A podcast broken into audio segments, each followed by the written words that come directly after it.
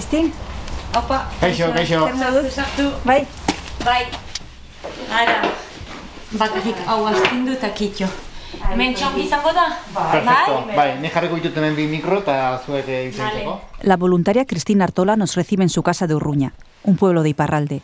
Un hogar que pese a estar cerca de la muga no tiene fronteras. Vivo en Urruña, cerca del monte, cerca de la frontera. Conscientes de la cruda realidad de los migrantes que quieren pasar de Euskal Herria a Francia, algunas vecinas y vecinos de Urruña, Endaya e Irún han decidido pasar a la acción. En el capítulo anterior conocimos Irungo Arrera Sarea, pero en Lapurdi también hay grupos parecidos. Aquí somos muchos quienes todos los días vemos migrantes en los arcenes de las carreteras.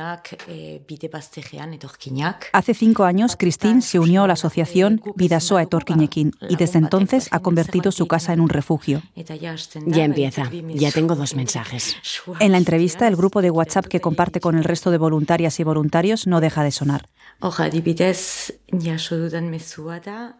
En el mensaje que he recibido ahora, preguntan si hay alguien en Viriatú para recoger a dos jóvenes. Y después a dos mujeres y dos niños en Endaya. Esos mensajes recibimos en el móvil. Somos dos grupos pequeños de 40 personas. A ver si alguien responde.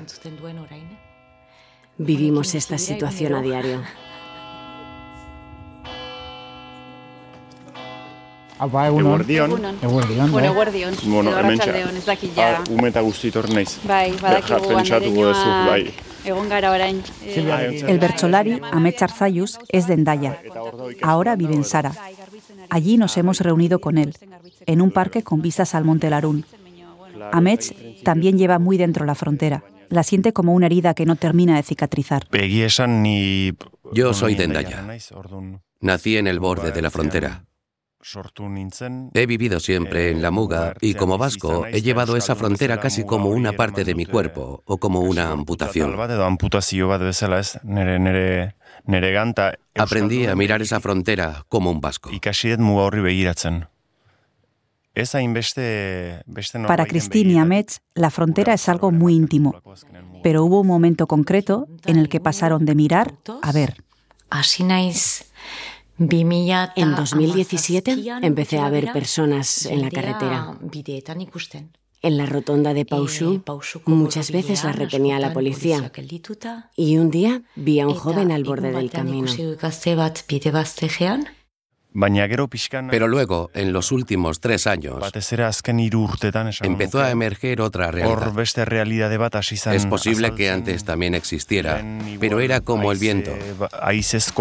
Soplaba, pero no se veía.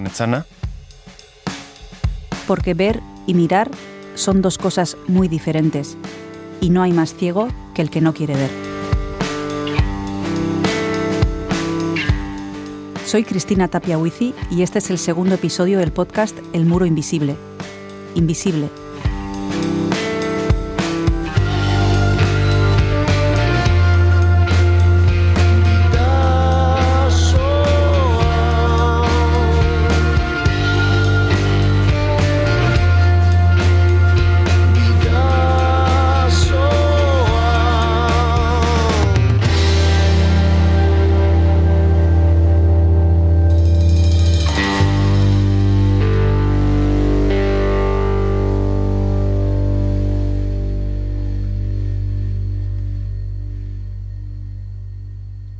Todas y todos tenemos nuestra primera vez. El primer beso, la primera vez que te baja la regla, el primer trabajo. Cuando algo te sucede por primera vez, nunca lo olvidas. La de Christine fue Alassane, un chico de Guinea. Hoy son amigos íntimos.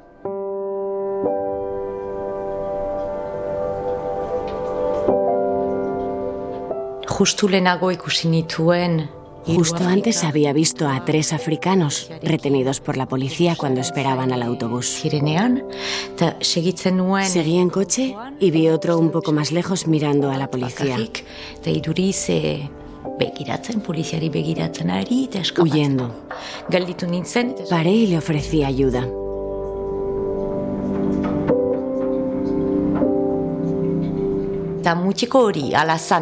Y ese chico, Alazan, de Guinea, era la segunda vez que entraba en Francia.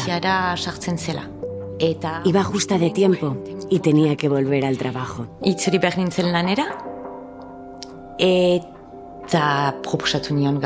Le propuse quedarse en mi casa para descansar y le dije que yo volvería por la noche. Lanera ni joala, eta gauean ikusiko ginela elkar, eta, eta ea laguntzen alko nuen.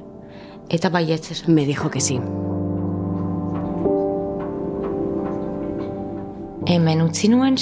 Lo dejé aquí, volví a trabajar y por la noche nos reencontramos y empezamos a hablar. Ese fue mi primer contacto directo con uno de ellos. Aunque ya desde 2017 me preocupaba la situación, este fue el primer caso directo.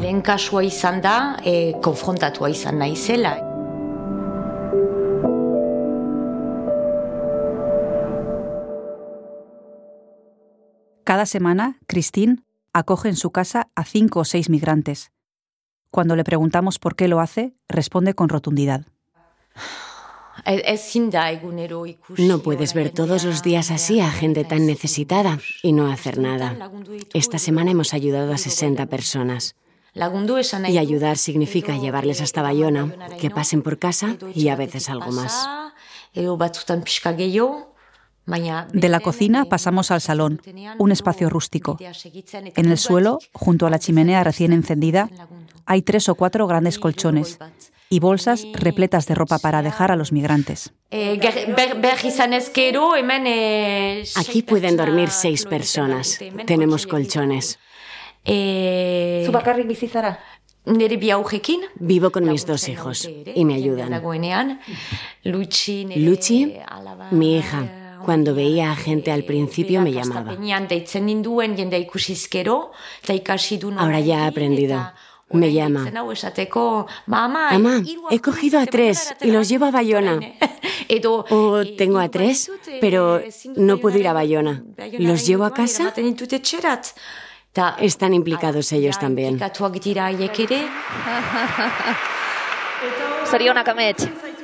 Chapeldunaren azken agujarekin. Amets Arzaiu Santia.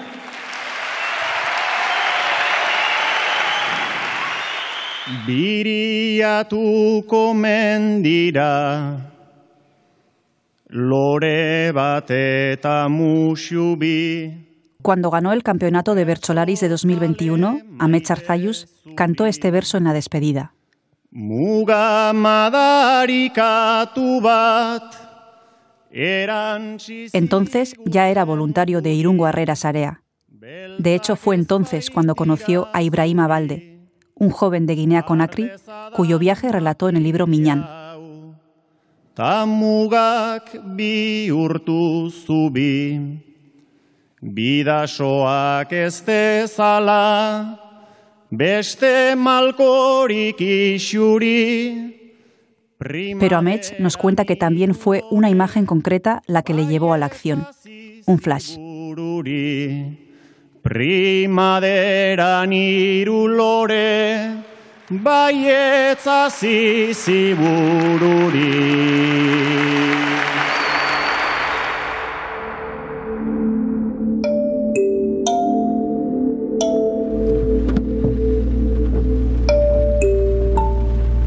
Autopistan entorrela.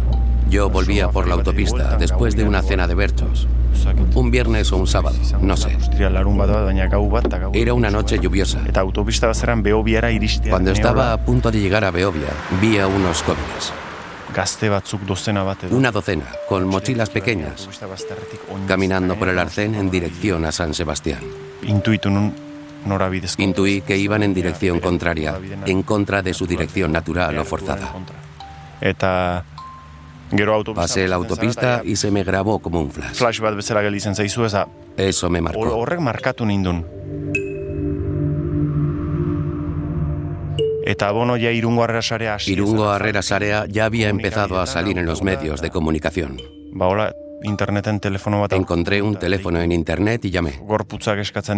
Llega un momento en el que el cuerpo te lo pide después de haber visto varias imágenes, flashes, escenas.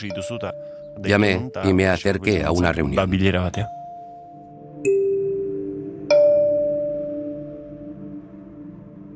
Christine y Amets lograron ver lo invisible, al igual que otras personas que militan en asociaciones de acogida o colaboran por su cuenta. Sin embargo, para la mayoría sigue siendo invisible. Tal vez, como ocurre con los daltónicos, solo somos ciegos para ver ciertos colores.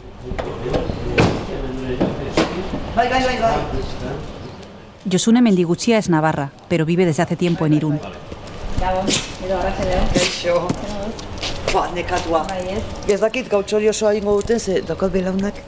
Ella también eligió pasar a la acción, y si por la mañana no está en la Plaza San Juan, por la noche hace guardia con su perro Asken. Suele estar en la estación de autobuses de Irún, junto a otros voluntarios, a la espera de migrantes procedentes de diferentes ciudades españolas. Es medianoche y en el último autobús han llegado dos personas.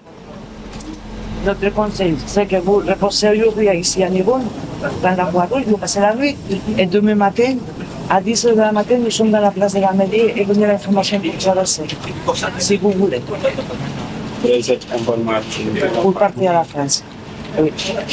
Yosune les ha llevado en su coche a la Cruz Roja para que puedan descansar al menos unas horas. Vale.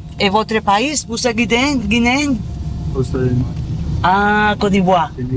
Senegal. Côte d'Ivoire, Senegal. Senegal. Ok. A la mañana siguiente, en la Plaza San Juan, los voluntarios de la asociación les darán una charla informativa. Y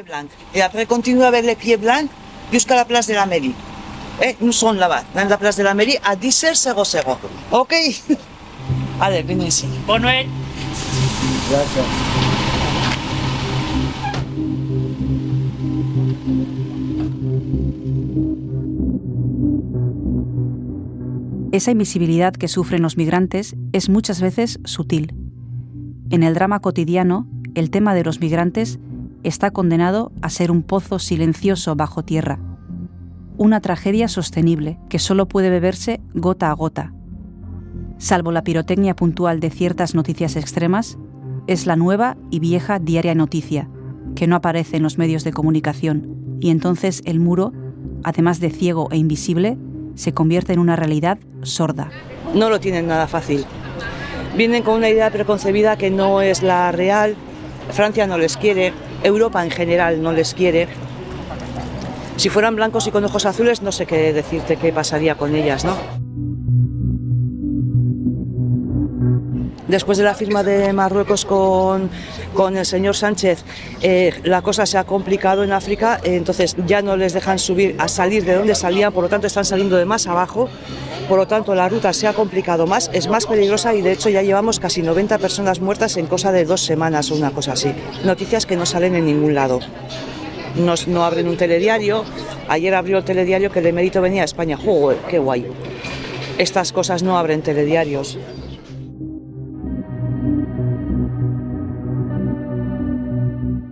Después de cuatro años, pues se ha normalizado. No llama la atención, no.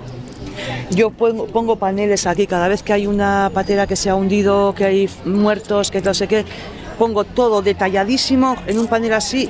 Se paran de 35 uno a mirar el panel. Igual te hace un comentario, ojo, qué desgracia, sí señora, sí, qué desgracia. Está normalizado.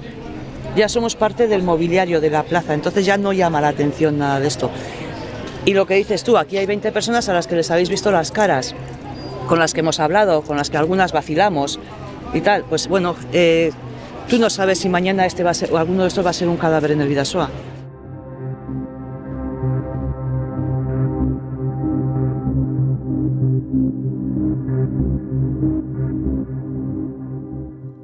Aunque sepa distinguir bien los colores, la muralla es invisible. Es invisible porque nos convierte en ciegos. El muro además no se oye, ni se percibe. Unas veces porque el sonido o el silencio nos ensordecen, y otras porque el dolor del camino debilita las respuestas. Vale. Empieza. No. Ni Guinean sortu Yo nací en Guinea, pero no en Guinea-Bissau ni en Guinea Ecuatorial. Hay otra Guinea que tiene como capital a Conakry. Limita con seis países. Te diré tres. Senegal, Sierra Leona y Mali. Pasó allí. Así comienza el libro Miñán, escrito por Ahmed Arzayus e Ibrahim Abalde. El Bercholari pasó horas escuchando la aventura del guineano, Dejó su pueblo para ir a buscar a su hermano, estuvo a punto de perder la vida en el desierto, conoció la enfermedad y la violencia. De aquella difícil experiencia nació un libro bello, aunque para el protagonista fuera muy duro volver a contarlo todo. No, no ha sido nada fácil para mí, pero claro, más difícil ha sido para él. Contar es volver a abrir la herida y, además, hundirte en ella hasta el cuello. Supone ver algunas cosas que te ocultabas a ti mismo y poner sobre la mesa aquello que deseabas olvidar. Cuando lo verbalizas, eso trae consigo que se convierta en un hecho demostrado, irreversible. Tal vez intentes proteger tu memoria. Ha sido duro, muy duro. Él lo decía a menudo y en varios momentos he introducido sus reflexiones. De alguna manera, para él contar significaba revivirlo y yo me percataba de que dirigía la mirada hacia otro lado y él estaba allí, sumergido. Ibrahima vive ahora en Madrid. Trabaja como mecánico y sigue esperando la respuesta a su solicitud de asilo.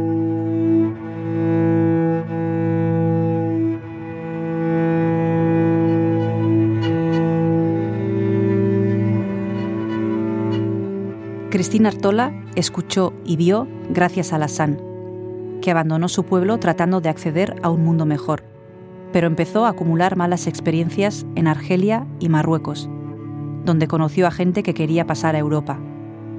Después de pasar seis meses en un bosque de Ceuta, llegó por fin. España, Francia, Alemania le echaron de allí y tuvo que volver a empezar Regresó a Francia y ahora está esperando la respuesta a la petición de asilo. Habla siete idiomas y ha tenido sobre la mesa contratos laborales. Lleva muchos años en Europa, pero Alassane continúa sin tener papeles. En todos los lugares a los que llega crea su red. Y es un tipo majo, inteligente, pero luego llega el momento y a otro sitio y de nuevo tiene que empezar de cero. Esperanza dauka. Tiene esperanza, pero yo intento convencerle. Aquí estás gastando tus fuerzas y tal vez tu vida. Y aunque sea muy pobre, en su país tiene a su madre.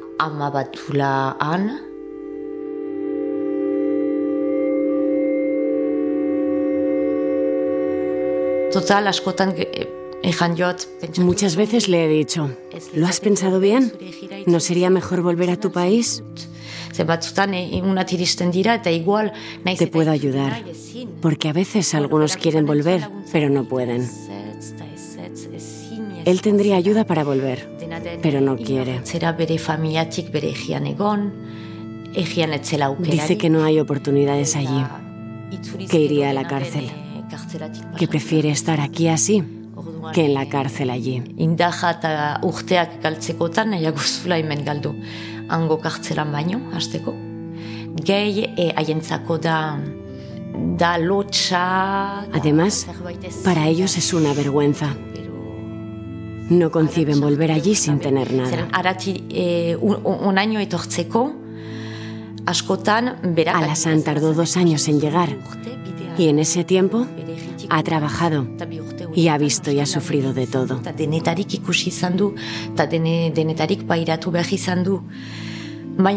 Pero cuando salió de allí tuvo la ayuda de su familia. Ahora no puede volver con las manos vacías. No puede.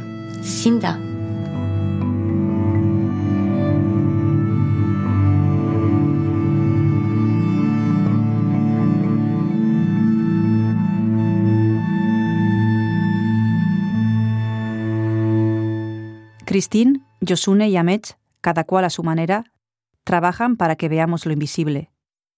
Tal vez la invisibilidad comienza por considerarles a todos como un grupo. Son migrantes, nada más, como si fueran solo una categoría o incluso una abstracción. Sin nombre ni apellidos, pero las voluntarias y voluntarios han aprendido nombres y apellidos, han visto caras.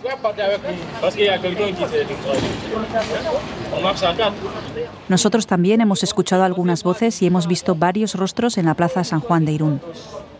Pero no vaya a salir en la, televisión. No, no, no te preocupes. solo es la voz, solo es la voz. Em, querríamos saber lo primero, ¿cuántos años tienes? Yo, yo tengo 22 años. ¿Y de dónde eres? De Guinea. Eh, ¿Cómo ha sido el camino? Pues, cuatro años, ¿cómo han sido? Pues no está tanto fácil. De Guinea hasta Senegal, Senegal, Costa de Marfil, y luego Mali, Mali, Mauritania, Mauritania, Marruecos, Marruecos, España. Cuando empezamos a poner nombres, las vivencias, los viajes, los sueños toman cuerpo. Por eso yo me debí venir aquí para intentar a pasear. ¿Vais a tener un hijo? Hija. ¿Una hija? Sí. Mm, felicidades. gracias. ¿Y eh, qué tal está ella? ella no, no sabe, no habla español.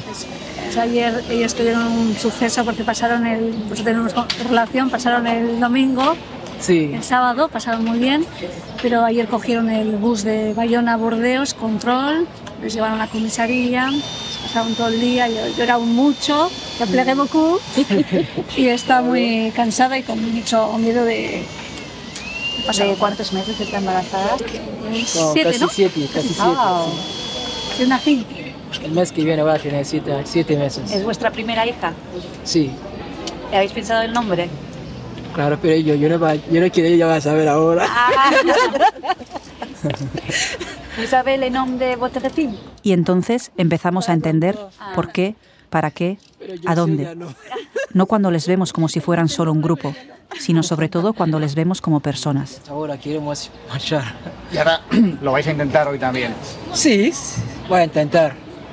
¿Juntos? Cada mes sí, no va a llegar atrás de mí. Por eso quiero intentar para con ella siempre. Pues por eso. Pues mucha suerte. Vale, gracias. Es que de caso.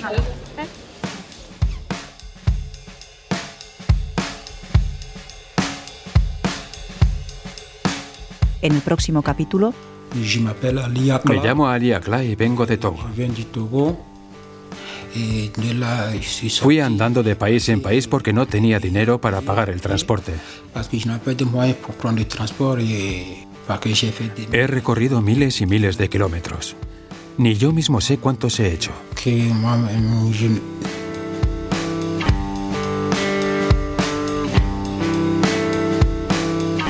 El Muro Invisible es una serie documental realizada por Ulu Media para EITV Podcast y cuenta con la ayuda de la Diputación Foral de Guipúzcoa.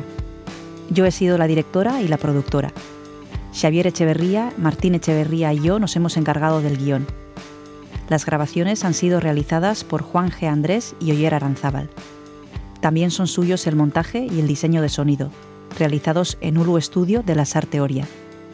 Silvia Tapia Huizi ha trabajado como traductora y John García ha montado la versión en castellano.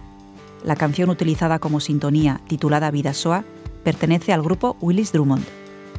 Nuestro más sincero agradecimiento a los miembros de Irungo Arrera Sarea, a las asociaciones Vidasoa Etorquiñequín y Utopía, a los voluntarios y a todas las personas que han participado en este proyecto, especialmente a los migrantes que han pasado por Irún. A ellos está dedicado este podcast. Recuerda que puedes escuchar El Muro Invisible en EITV Podcast o en la plataforma que prefieras. Suscríbete y si te gusta, compártelo con la familia y los amigos.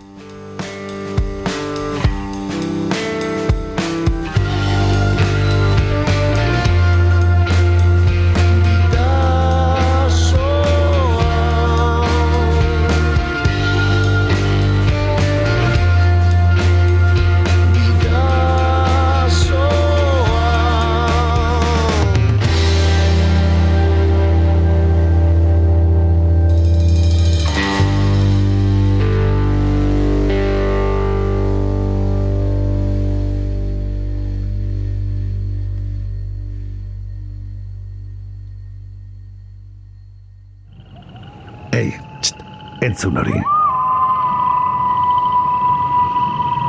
Ulu Media.